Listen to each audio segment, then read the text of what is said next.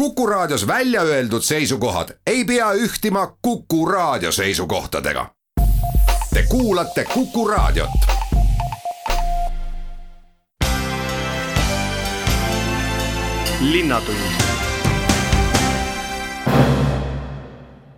tere päevast, Linnatund alustab stuudios on saatejuht Ulla Lents ja ütlen kohe tere meie tänasele esimesele külalisele, kelleks on Tallinna kesklinnavanem Monika Haukanõmm. tere, Monika, tere tulemast Linnatunni saatesse! tere päevast, aitäh kutsumast! kas täna me võime juba öelda, et Tallinna kesklinn on hakanud välja nägema nagu tavalistel normaalsetel aegadel ja mida ma silmas pean? ma pean silmas seda, et meie inimesed on leidnud kesklinna tee ja vanalinna tee uuesti ja et meil on juba näpuotsaga ehk ka turiste. jah, muidugi ma tahaksin kohe vastata, et kõik on nii, nagu oli enne seda suurt koroonakriisi. aga see ei oleks väga aus loomulikult on Tallinna kesklinn ja Tallinn ja tegelikult ka Eesti ja ilmselt ka maailm laiemalt juba oluliselt rohkem avanenud, kui ta oli ka eelmisel kevadel või eelmisel suvel. aga arvata, et nüüd me läheme kõik vanasse ratta tagasi ja kõik on täpselt samamoodi, nagu oli kaks aastat tagasi, kindlasti seda ei ole ja ma arvan, et seda ka ei tule. et ja kas peabki tegelikult tulema, on nagu küsimus. et võib-olla see koroonakriis on meid äh, õpetanud ja andnud põhjuse natuke ümber mõtestada iseenda jaoks, mida me tahame ja kuidas me tahame. et äh, võib-olla see võrdlus ei ole kõige parem, aga kui umbes äh, kakskümmend aastat tagasi oli USA-s kaksiktornide rünnak ja lennukid lendasid tornidesse, siis arvati, et see mõjub väga halvasti lennuliiklusele ja muudab kõike, et äh, võib-olla see niisama nagu ka koroonakriis, et äh, tekib, tekkis veidike selline maailma lõpu tunne, et äh, kuidas me sellega kohaneme ja kas me õpime ümber ja kas me oleme õppimisvõimelised, siis tegelikult need kõik need kogemused ütlevad meile, et me tegelikult oleme kohanemisvõimelised. ja kui tihtipeale varasemalt heideti Tallinna kesklinnale eriti vanalinnale ette seda, et me olime liiga turistile suunatud ja orienteeritud, kõik, mida me tegime, oli võib-olla mitte eesti keeles,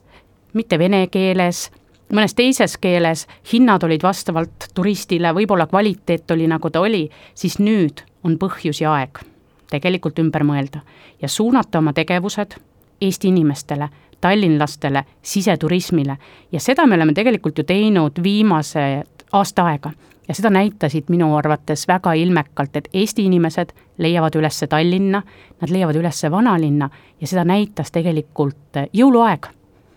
väga paljud tallinlased tulid ka minule ütlema, et see oli imeline, mis vanalinnas toimus, see tuled, see suunatud tegevus tegelikult siseturistile, tallinlasele ja see meeldis inimestele. et tegelikult ka seesama noh, ja kui me räägime üldse reisimisest, et et lisaks sellele koroonakriisile, minu arust tuleks ka rääkida ühest teisest päevakajalisest teemast, et see on, millel on hästi pikaajaline mõju ja see on koroonakriisist suurem mõju, on meie nimelt äh, keskkonnaküsimused ja meie rohe, meie ra-, ja jalajälg. et äh, inimene võib ju prügi sorteerida ja liigelda jalgrattaga ja võib-olla ka kui veel mõelda mõned aastad tagasi, siis me kogusime justkui neid riike, märke ja punkte, et kui paljudes kohtades me oleme käinud kiiresti läbi vuhisenud erinevatest riikidest, erinevatest linnadest ja mida rohkem, seda nagu popimad me tegelikult olime. aga nüüd mulle tundub, et on see koroonakriis on meid õpetanud ja lisaks ka see niinimetatud keskkonnakriis, et äh, tasub süveneda, valida välja see üks koht, kuhu ma tahan minna ja mida ma tahan näha, olgu see siis Tallinn, olgu see siis kas või Narva või olgu see Veneetsia, ma sõidan sinna kohale, ma vaatan, ma tunnen huvi selle ajaloo, kultuuri vastu,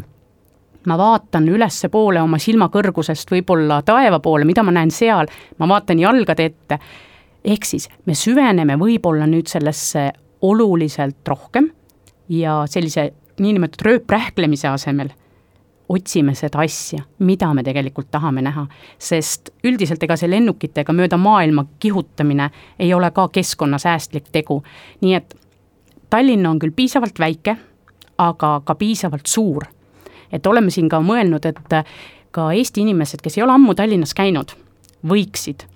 tulla kolmeks päevaks Tallinnasse ja võtta igaks päevaks ühe ja kaks piirkonda ja mida siis tõesti avastada süvitsi. näiteks esimesed kaks päeva võiks ju olla kesklinnas, südalinnas ja vanalinnas. siis võiks teisel päeval minna hoopis Kadriorgu, Piritale ja kolmandal päeval näiteks võiks hoopis minna Tallinna lähiümbruse saartele, Naissaarele, Pranglile, Aegnale kuigi me räägime praegu Tallinnast, siis muidugi Tallinnale kuulub ainult üks saar, see on Aegna saar. ja see on kesklinna osa ja ma ütlen ausalt, see on tõeline pärn, mida tasub minna avastama. ja kontrollküsimus meie kuulajatele, kus asub Tallinnas Mustamäe rand? ei ole Mustamäe linnaosa, vaid Mustamäe rand asub näiteks Aegna saarel. Nonii, kui äh, sa suutsid juba huvi tekitada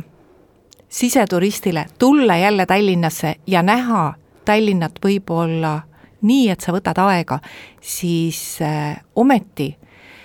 Tallinna kultuurisuvi, no ma arvan, et nüüd on saanud nagu plaanid enam-vähem paika, et Tallinna kultuurisuvi on käima läinud ja, ja pakub äh, lisaks sellele, et sa oled linnas ja tunnetad linna, pakub ka sellist lisaväärtust, et äh, mida kõike täna saab öelda, et vanalinnas ja Tallinna kesklinnas tehakse, et vanalinnapäevad juba me kõik teame, et on ka nihkest sellel aastal ja on, mida oodata. tõesti, kui veel maikuus me olime suhteliselt nukras olukorras ja me ei teadnud, et mis saab üldse selliste ikooniliste sündmustega Tallinna mõttes, et mida me oleme harjunud nägema, kas nad tulevad ja millal nad tulevad, siis täna me tegelikult teame, et suvi ei jää ära ja ei jää ära ka sellised kõige-kõige olulisemad, tähtsamad sündmused. et kui siit hakata mine, minema nüüd näiteks juulist ja augustist, mis meil juba käes on, siis ma võin vähemalt kümme erinevat väga suurt üritust nimetada siinkohal, millele lisanduvad loomulikult paljud-paljud väikesed, aga me alustame juba tegelikult sellel nädalal, kaheksandast kuni üheteistkümnenda juulini on meil Tallinnas keskajapäevad ning ma arvan, et tasub tulla Raekoja platsile, vaadata, kuidas toimub hansaaegne kaup, kauplemine, turu, turud, tasub tulla keskaegsesse niinimetatud linna, vaatama seda kõike. aga lisaks muidugi sellele, et meil on väga palju kultuurisündmusi, no võtame siit kohe siis järgmiseks, on meil tulemas Sail Tallinn ehk siis merepäevad vana nimega, kuusteist kuni kaheksateist juuli. Meil on tulemas samamoodi Birgitta festival, mis on kuus kuni neliteist august Pirita kloostri varemetes. meil on Tallinna vanalinna päevad, mis toimuvad kaheteistkümnendast viieteistkümnenda augustini, natuke küll ebatraditsioonilisel ajal, oleme harjunud seda ju juuni alguses kogema, seda melu, tegemist on kolmekümne üheksandate vanalinna päevadega, mis äh, ma arvan, selle nelja päeva jooksul igas hoovis, igal platsil leiab midagi. samamoodi ei tasu ära unustada, et meil on kahekümnes august, kui meil toimub üle-eestiline öölaulupidu Vaba Eesti, kolmkümmend aastat, vaba äh,, Tallinna Lauluväljakul suur,, suur-suur kontsert. meil on tulemas muinastulede öö, mis on traditsiooniline üritus. aga need on kultuuriüritused aga tegelikult toimub meil ka palju sporti, et äh, mida tullakse vaatama üle maailma ja mida kindlasti ma soovitan kõigil spordisõpradel vaatama minna. meil toimuvad meie esindus kergejõustiku äh,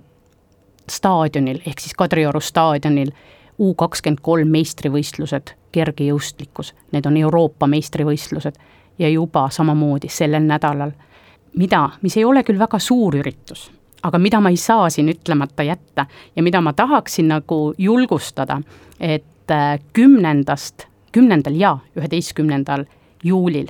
on äh, Tallinnas selline üritus nagu Open House Tallinn ehk siis avatud majad. ja see annab võimaluse ka tallinlastel või meie külalistel tulla ja avastada neid maju, minna ekskursioonile, kuhu te võib-olla mitte kunagi ei ole varem nagu sattunud et kui kui tohib, siis ma nimetaksin siin mõned nimed, mida võib-olla tekitavad tunde, et ma tahaksin näha, mis seal sees siis nagu toimub. et olgu siis näiteks tegemist Luurichi majaga, Lasnamäe garaažikompleksiga, Arsi kunstilinnak, selline hoone nagu Lift üheksakümmend üheksa, Balti Manufaktuur, Patarei merekindlus. Need on tavaliselt need sellised kohad, kuhu igapäevaselt inimene sisse astuda ei saa ja minna vaatama, mida seal tehakse. aga nendel päevadel on võimalik ennast registreerida ekskursioonidele ja minna nendega nagu tutvuma. et see on kindlasti midagi sellist, mis on täiesti ootamatu. me teeme siinkohal oma jutuajamisse väikese pausi ja läheme hetke pärast edasi. linnatund linnatund läheb edasi, stuudios on Tallinna kesklinna vanem Monika Haukanõmm. Ja vaat, kui me saate alguses rääkisime sellest, et äh, see koroonakriis, millega me oleme kohandunud, on meile negatiivse kõrval toonud kaasa ka üsna mitmed positiivsed aspektid, et kuidas äh, see turvalisuse ja korrakaitse seisukohast on, et ma saan aru, et sellised suuremad pidutsemised Tallinna vanalinnast Eh, mis ei olnud era-, elanikele suureks rõõmuks ja mis pigem oli probleem ja millega tuli tegeleda, et need on sealt ära kadunud. tõsi see on, turvalisus on ülioluline ja tähtis, et äh, lisaks sellele, et äh, kui midagi juhtub, siis loomulikult äh, on ju meil olemas politsei, kelle usaldus on väga-väga kõrge et äh, aitab turvalisusele meil kaasa kindlasti ka munitsipaalpolitsei ning äh, ka lisaks äh, turvamehed, mis on paratamatu ja tegelikult normaalne osa erinevatest üritustest, et turvamehed, kes jälgivad, et turvalisus oleks tagatud. võtame kas või just, just äh, varsti lõppeva Euroopa meistrivõistlused näiteks jalgpallis. kui meil on võimalus olnud vaadata juba kaheksa äh, finaalmänge Vabaduse platsil, siis loomulikult on see oluline, et meil on turvalisus tagatud, meil on turvamehed, meil on, jälgib seda politsei, sest see on kõige tähtsam mida ma olen alati öelnud ja mida ma ka arvan, on see, et kesklinn ja südalinn on elukoht. see on meie kodu, mis tähendab seda, et seal peab olema hea ja turvaline elada. mis tähendab, et loomulikult on kesklinn ka koht, kus äh, on palju üritusi, kõige rohkem üritusi ja see on nagu selline ühendustee või ristumispaik, kus saavad erinevad kultuurid, erinevad inimesed, erinevad üritused kokku aga see, et meil oleks turvaline, sellesse me saame igaüks anda oma osa ja jälgida, et kuidas me ise käitume, kuidas meie sõbrad käituvad, võib-olla korrale kutsuda ja, ja ise pidada silmas, et ma tahan, et minuga oleks turvaline ja, ja et ka teistel oleks. üritusi on vähem, mis tähendab ka seda, et ongi natukene turvalisem. aga ma arvan, et me keegi ei igatse ka tagasi nüüd seda võib-olla seda eelnevat aastat või poolteist, kus ei toimunud üldse midagi ja oli suhteliselt turvaline. et ma arvan, et selline turvalisus, igapäevane elu, et see peab olema heas balansis. Ja kui keegi on selline, kes ei pea kinni üldistest reeglitest ja ei hinda turvalisust, siis lihtsalt tuleb tal ka selle eest võtta vastutust ja võib-olla leida enda jaoks mõni teine koht, kus oma aega viita sellisel moel, nagu talle sobib. Eh, veel üks teema on tõuksid, et eh, tegelikult on nad ju väga äge liikumisviis ja enamasti sulaselge rõõm ja selle üle on ainult hea meel, et inimesed üha enam leiavad sellist liikumisviisi ja jätavad auto kõrvale. minu meelest on väga tänuväärne, et kesklinna valitsus on võtnud eh, ette selle laste koolitamise, et et probleemid ju tekivad siis alati, kui äh, tõukerattaga sõitvad inimesed käituvad nii, et nad on ohtlikud teistele ja iseendale ka. see, et õpetada lapsi, kuidas selle tõuksiga toimetada, et minu meelest on see hästi tore, et kui suur huvi see laste hulgas on olnud? kui see tur-, see on nüüd järgmine turvalisuse aspekt, et äh, huvi lastel on selle vastu ju väga suur. et lisaks sellele, et äh, kuidas turvaliselt liigelda järjest rohkem loodavatel rattateedel rattaradadel, aga ka niinimetatud jagatud rajal, kuhu me kõik peame ära mahtuma. on see tõukeratas, on see jalgratas, on see jalakäija, see tähendab seda, et meil on olemas teatud eelteadmised, kuidas seda teha niimoodi, et ma ei sega teisi. ja tõesti, mm, noortele on meil iga nädal politseipargis koolitus koostöös keerdtrepiga, et me näitame ette, kuidas peab liiklema ära sõida kahekesi tõukeratta peal, kui sa oled alla kuueteistaastane, kasuta kiivrit, sõida turval-, sõida jalakäija kiirusega, kuhu tohib parkida, aga lisaks sellele muidugi me õpetame neile ka trikke, ega siis ainult ei pea ju alati turvaliselt liiklema ainult rattateel või rattarajal, vaid mõnikord tuleb minna ka spetsiaalsesse parki, kus saab ka hullata ja see ongi normaalne. aga üldse selline kergliiklusvahenditega liiklemise turvalisus on ülioluline. Ja kui siin heidetakse aeg-ajalt ette, et ei ole ju kuskil liigelda ja, ja ei ole võimalik, siis tõesti sellel aastal on kesklinnas valmimas kuusteist kilomeetrit erinevaid rattateid, rattaradasid. jah, kas neid võiks olla rohkem, muidugi, aga kas meil võiks olla era-, iga kord kõikide jaoks eraldi teed, et eraldatud teed, et Tallinna kesklinn muidugi on välja kujunenud nende aastakümnete jooksul ja see linnaruum on selline, millega me peame arvestama aga kui keegi nüüd ütleb ja väidab, et et me ei väärtusta seda või ei, ei tee panuseid, et, et järjest rohkem luua neid turvalisi liiklemisteid ja võimalusi, siis see päris tõsi ei ole. et loomulikult me teeme seda, aga kas kõik on valmis ja iga maja juurde läheks turvaline rattatee, siis kindlasti seda mitte, aga põhimagistraalid saavad kindlasti olema. No sel suvel ja nagu te just märkisite, et ongi kesklinnas, mille puhul on ju kriitikat kõige rohkem olnud, et äh, siin on ohtlik jalgrattaga liigelda, et praegu tehakse selliseid korrektuure, et äh, mahutatakse need rattad turvalisemalt olemasolevasse mm -hmm. teedevõrgustikke. et kas praegu saab nagu selle, selle suvise projektiga saavad need kõige ohtlikumad kohad üle käidud? et noh, et lihtsalt vaadata, et kui see jalgrattur seal on, et mit-, kas me saame midagi enamat tema jaoks teha, tõmmates siis kas autosid koomale või tehas, tehes talle ruumi siis kas autotee servas või, või kõnnitee servas, et kas need kõige hullemad kohad saavad praegu üle vaadatud? Ja kõik äh, sellised kriitilised kohad on üle vaadatud ja kaardistatud. Ja kõik, mis vähegi annab teha niinimetatud kiirete lahendustena, et äh, need saavad ka tehtud, et räägime siin äh, Mm, näiteks Merepuiestee, Narva maantee, Vabaduse väljak, on kaotatud ära juba parkimiskohti, võetakse vähemaks sõiduradasid, ehk siis niinimetatud autode arvelt luuakse neid teid juurde, aga kõik kindlasti ei saa selle suvega korda, sest paratamatult on nii, et on niinimetatud kiired lahendused, mis võimaldabki seda, et me saame natuke ümber ehitada, tõsta ümber mõned bussipeatused, trammipeatused, natukene võtta autoteedelt ruumi juurde, aga mõnikord on vaja nagu tõesti selleks, et saada turvalist rattarada või rattateed, on vaja põhjalikku rekonstrueerimist. no näiteks kas või palju räägitud Liivalaia tänav Toompuiestee, et on olemas selliseid kriitilisi kohti, kus ei saa teha kiire lahendusega väga head lahendust. saab teha sellise turvalisema lahenduse, kui see on praegu.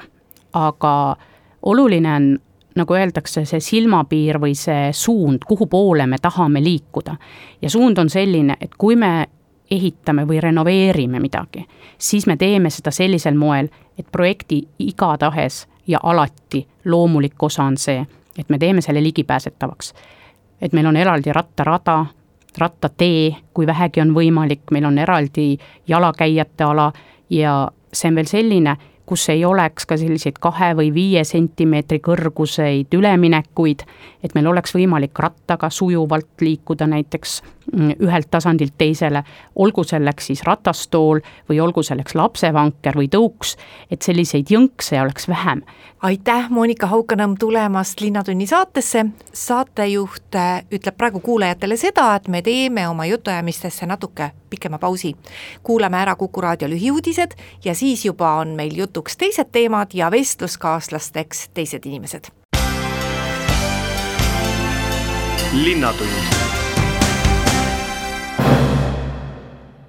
linnatund läheb edasi ja nüüd me jätkame kohe juttu teemal, missuguseid toredaid üritusi saab Tallinnas külastada, sest juba järgmisel nädalavahetusel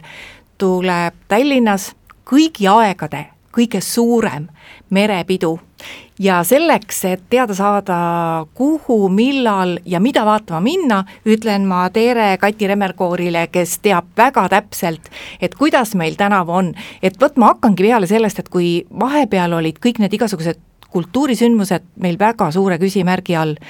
siis täna on teada, et see pidu tuleb ja pidu tuleb äge.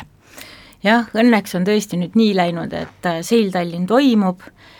küll mitte võib-olla päris sellisel algsel planeeritud kujul, aga, aga vaatamata sellele, et äh, koroona ei suutnud meile ikkagi nii palju halba teha, et ta tuleb siiski suurem kui iial varem, ehk et Tallinn tähistab sel aastal suurimaid merepidistusi äh, läbi ajaloo. no kus peokohad on ja mida erinevates paikades tehakse? Alustame siis lääne poolt itta, et no Plessneri sadam,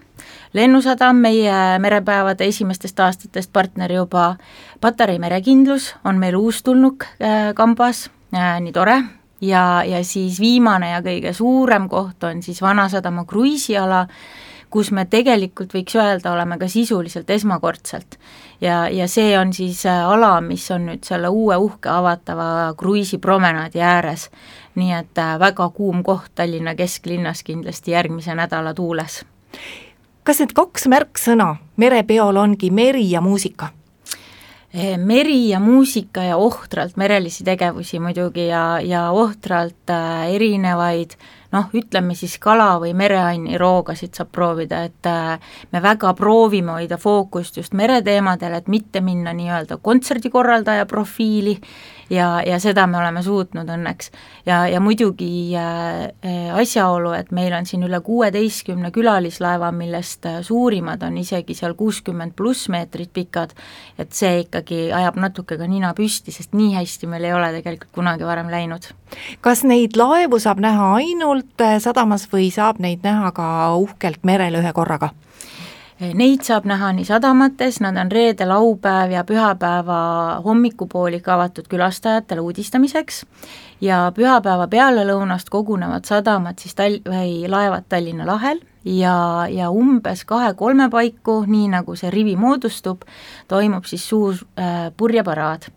Ja, ja see paraad ei toimu isegi siis mitte ainult külalislaevade osalusel, vaid me kõik meie kohalikud laevad on oodatud, et mida rohkem, seda uhkem kuidas nad saavad ühendust võtta, et tõesti, see on ju meeleolukas, kui sa saad oma alusega olla ka sellisel ägedal päeval seal merel, et et kuidas ja kellega peavad ühendust võtma need äh, alused ja nende omanikud, äh, kes nüüd tõesti tahaksid merele tulla? tead, sellega on nii huvitav asi, et kõik, kõik kaptenid tunnevad üksteist läbi ja lõhki,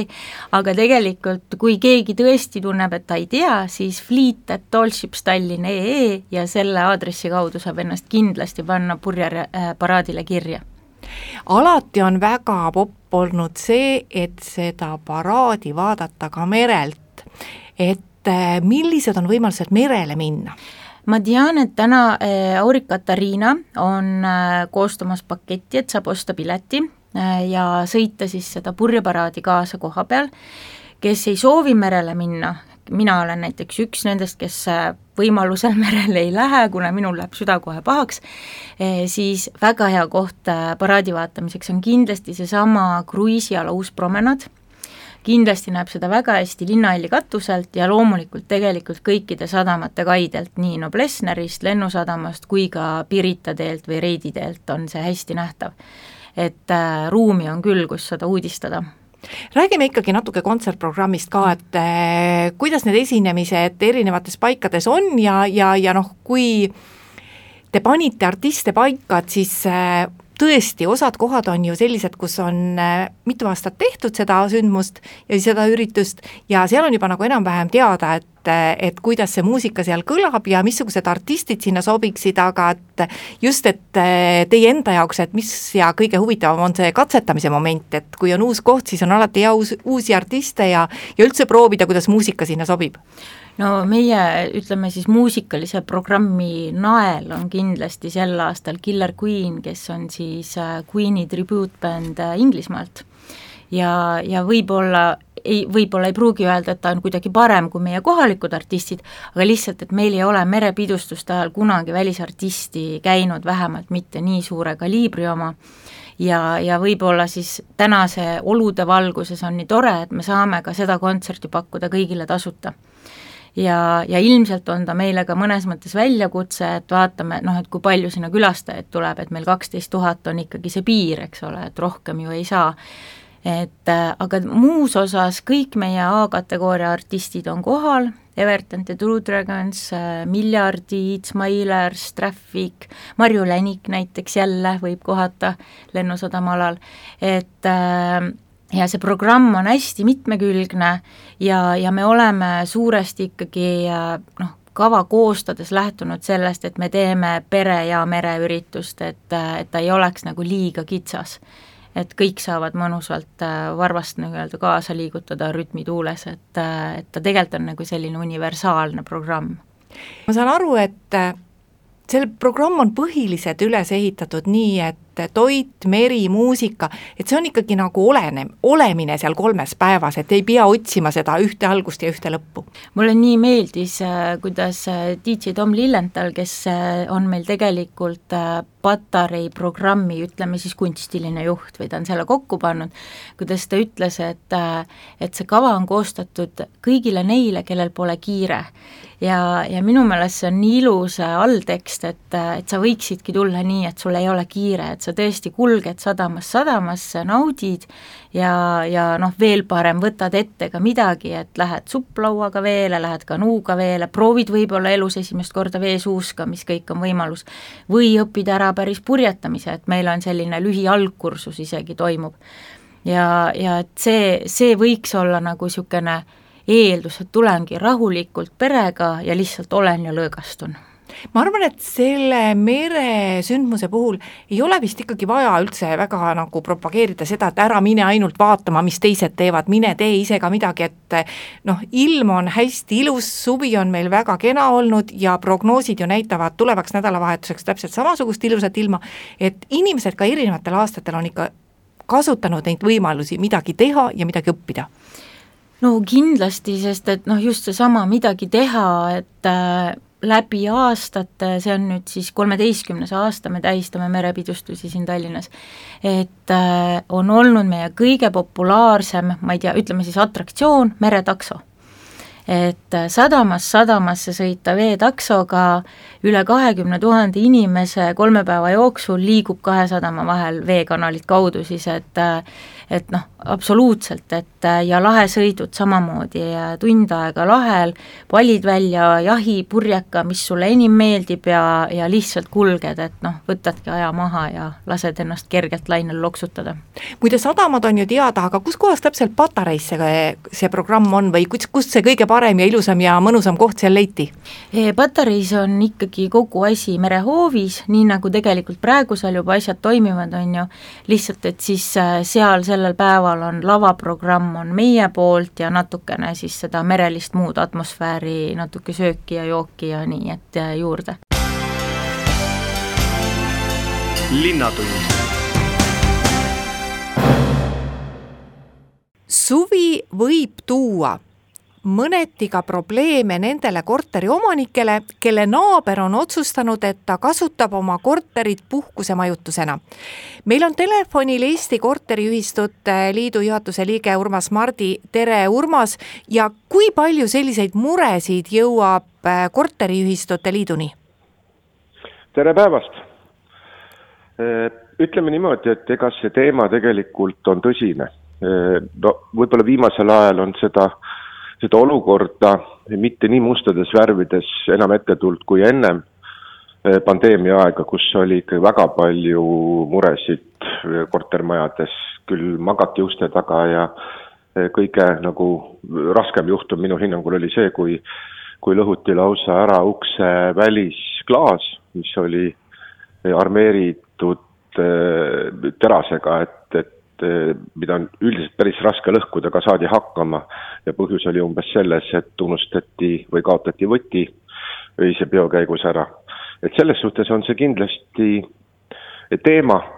eh, ja kui vaadata ka näda, näiteks eh, praegust olukorda, ma pean silmas eriti Pärnu kanti, kus praktiliselt selleks nädalavahetuseks hotellikohti saada ei ole, siis siin võib tulla küll selliseid probleemsituatsioone ette, mida, mida tegelikult need majaelanikud kindlasti näha ei soovi. kes nendes korterites siis igapäevaselt peavad elama ja, ja välja puhkama, et, et selles suhtes on see teema kindlasti oluline ja aktuaalne. kas meie seadused näiteks ühistul lubavad vastu võtta võtta konkreetse majakorteri ühistul, võtta reegleid, mis äh, ütlevad ühele või teisele omanikule, et kui te üürite oma korteri välja, siis kas ühistu peab selleks loa andma või on mingid kindrad reeglid või on ikkagi meil praegu seaduse põhjal niimoodi, et igaüks võib oma korteriga teha seda, mida ta tahab ja ühistul ei ole siin sõnaõigust? ütlen nii palju, et Justiitsministeeriumis on täna äh, päevakorral selline huvitav termin nagu eh, seaduseelnõu väljatöötamiskavatsus, kus on korteriühistutele erinevaid eh, teemasid lahatud ja liidu poolt me andsime ka sellele nõusoleku, sest need on kõik praktikast tule-, eh, tulenevad temaatikad. esimesest jaanuarist kaks tuhat kaheksateist mäletate, siis jõustus tegelikult väga oluline seadus, mis korteriühistuid reguleerib, on korteriomandi ja korteriühistu seadus ja nagu ikka,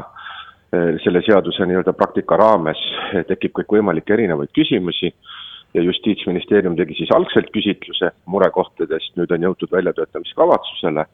ja minu hinnangul on need muudatused mõistlikud, juhul kui need seaduseelnõuks nüüd vormistatakse. ja ühes selles muudatusettepanekus nii-öelda täiendavana tegi tegelikult Eesti Korteriühistute Liit ka ettepaneku, et tekitada arutelu konkreetselt just selles küsimuses, mis teie, teie puudutasite, et eh, milline võiks see lahendus olla? ma ei julge teile täna öelda, noh, siin on erinevaid põhimõtteid välja käinud, et näiteks kas siis pool elanikest on nõus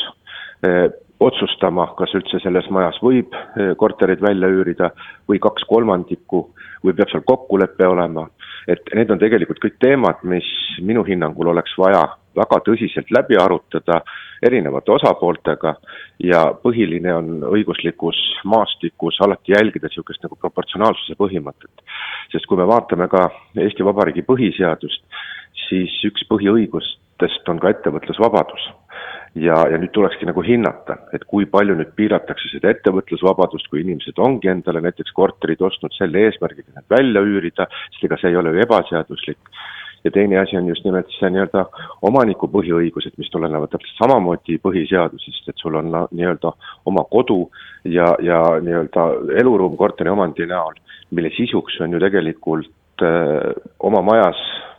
hästi elada ja välja puhata ja ma olen ka jätkuvalt seda meelt, et alati tuleb eelistada eluruumi omanike huve nii-öelda äritegevusele, äriruumi omanikele. et äh, lühidalt Äh, kokkuvõttes täna hetkel ei ole õigust korteriühistutel, ükskõik millise oma organi otsusega, on ta siis üldkoosoleku otsus, juhatuse otsus, äh, mingisugune noh, ütleme kvalifitseeritud enamusega näiteks vastuvõetav otsus, keelata isikutel eh, oma korteriomandit eh, välja üürida. küll aga on siin minu hinnangul üks võimalus olemas mida nimetatakse kokkuleppeks, ehk et seaduse puhul on siis selline mõiste nagu kokkulepe, mis tähendab sajaprotsendist korteriomanike nõusolekut. ja juhul, kui nüüd selline kokkulepe saavutatakse ja tõesti selles kokkuleppes fikseeritakse, et meie korteris näiteks ei tohi lemmikloomi pidada või meie majas ei tohi näiteks äh, kortereid äh, üürile anda ja kui nüüd see kena kokkulepe kantakse ka märkusena kinnistusraamatusse vot sellisel juhul on ta siduv. et ainult selline kinnistusraamatu kanne on tõesti siduv. et ma olen ka mõelnud, kuidas seda oleks võimalik realiseerida, et noh, kui sul on näiteks seitsekümmend korteriomandit või võib ka vähem olla või rohkem, siis sellist kokkulepet ei ole ju võimalik saavutada, sest need isikud, kellel on see mõte, et korteriomand välja üürida, nad ei ole ju sellele kokkuleppele nõus alla kirjutama, eks. küll aga näiteks uued arendatavad majad, kui on see nii-öelda äriliselt kasulik näiteks sellele arendajale, siis tema saaks selle kokkuleppe tegelikult vormistada, sest algselt ta on ju kõikide korteriomandite omanik ja tänane korteriomandi ja korteriühistu seadus on selles suhtes ka väga huvitav, et seal on selline kokkuleppe temaatika läbiv. kaks asja, mida tegelikult kokku leppida ei saa, ma arvan, et inimesed seda võib-olla era-, eriti ei tea, ma olen küsinud, on see, et näiteks valitsejal, eh, kui ta määrab majahalduri, peab olema kutsetunnistus ja teine asi, mida kokkuleppega ei saa kokku leppida, on see, et me loobume sundvõõrandamise nõudest noh, seaduse järgi tegelikult võõrandamise nõudes, sundvõõrandamine on nagu, nagu rahvakeeles eh, paremini arusaadav termin. et tegelikult see seadus annab väga suured mänguruumid kõikvõimalikeks erinevateks loogikateks, põhimõteteks, kaasa arvatud näiteks majandamiskulude kandmiseks. aga, aga märksõna on just nimelt see kokkulepe. et jah, täna, täna nii-öelda enamuse otsusega sellist otsust vastu võtta ei saa. no kui vaadata nüüd igapäevaelu seisukohalt, siis tõenäoliselt on ka olemas vahe sees, et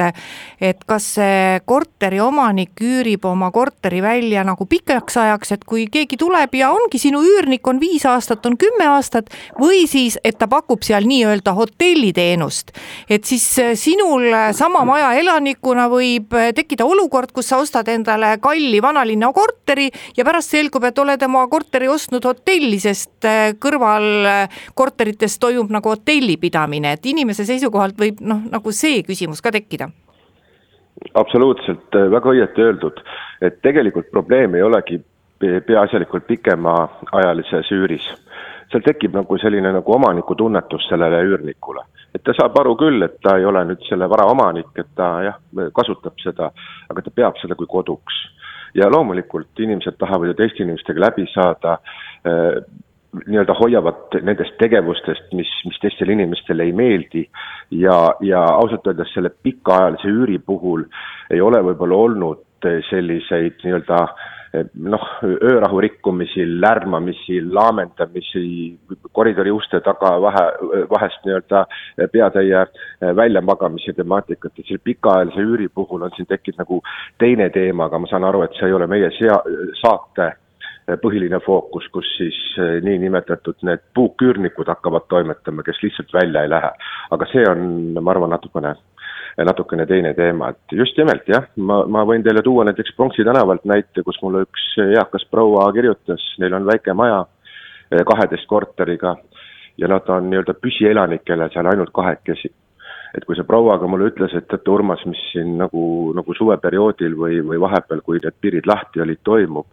et, et täiesti, täiesti võimatu, et praktiliselt mitte midagi aru ei saa, eh, mis majas toimub. iga päev on praktiliselt võõrad inimesed ja no loomulikult äh, see nii-öelda inimestele ei meeldi, kes kasutavad seda maja kui, kui eluruumi, kui, kui igapäevast sellist nagu, nagu, nagu tagalat, kus, kus olla ja kus ennast hästi tunda selles et, suhtes ma olen teiega nõus. nii et täna on ikkagi ainuke lahendus, et äh, juhul, kui need nii-öelda ühe või kahe öö peatujad äh, möllavad, seal lärmi tekitavad, siis on nagu tavalises olukorras võimalik pöörduda politsei poole, aga noh, selle küsimusega, et mulle ei meeldi, et mul on iga päev uus naaber, no sellega ei ole täna midagi teha. Ei, see, see jah, ütleb, sul on nagu ka talumiskohustus, et päris nii ei saa, et sulle ei meeldi seal võib-olla nahavärv või, või, või mingid muud asjad, kehakaal või, või inimese kuju, eks, et see ei ole kindlasti argument, argument on tõsine ehk et eh, mingit pidi eh, peavad siis isikud seda korteriomandit kasutama viisil, eh, mis ületab selle tavakasutuse. ehk et teeb nii-öelda põrguks või võimatuks teiste elanike elu. ja, ja seal jah, tõsiselt sellistes teemade puhul ongi võib-olla väga sageli ka selline nagu politsei sekkumine, keda siis kutsutakse näiteks öörahu turvama ja ja inimesi korrale kutsuma, et et jah, asjad peavad olema nagu, nagu väga tõsised, sest tuleb alati arvestada ka sellega, et juhul, kui minnakse näiteks selle võõrandamise nõude peale, siis see on kõige mustem stsenaarium, millest lähtuvalt inimene võib kaotada oma kodu. Ja et ta selle kodu kaotaks, siis tegelikult ülejäänud mõjutusvahendid peavad, peaksid olema kõik ammendatud. Ja see on siis nii-öelda nagu viimane õlekõrs, mis, mis siis tagaks teistele selles majas elavatele inimestele eluväärse elu. aga, aga jah, et nii kaugele jõuda, siis see eeldab eh, noh, sellist nagu eh, pike, pikemaajalist tööd ja, ja kindlasti ka eh, väga häid ja veenvaid tõendeid. et noh, mulle tundub, et täna kindlasti saavad sellest aru ka korteriüürileandjad ise, sest ega keegi ei taha tegelikult probleeme, kõik tahavad ju mõistlikult elada. ja, ja minu soovitus oleks ka, et ka kindlasti üürileandjate puhul, et kui nüüd inimesed seda korterikest soovivad üürida, siis väga selgelt ka ennem uurida nende isikute tausta, kes sinna tulevad, et, et tegelikult ju omanik vastutab, üürnikud lähevad jälle ära, veel võivad mingi kahjujuhtumid tekkida, keegi midagi kellelegi mingeid nõudeid esitab, aga omanik jääb ju alles ja nõudeid tegelikult, et mida see üürnik on probleeme tekitanud majale, vastutab tegelikult omanik. Ja ongi Linnatunni jutud tänaseks räägitud. saatejuht ütleb kuulajatele ka aitäh kuulamise eest ja järgmine Linnatund on eetris juba nädala pärast. Kuulmiseni! linnatund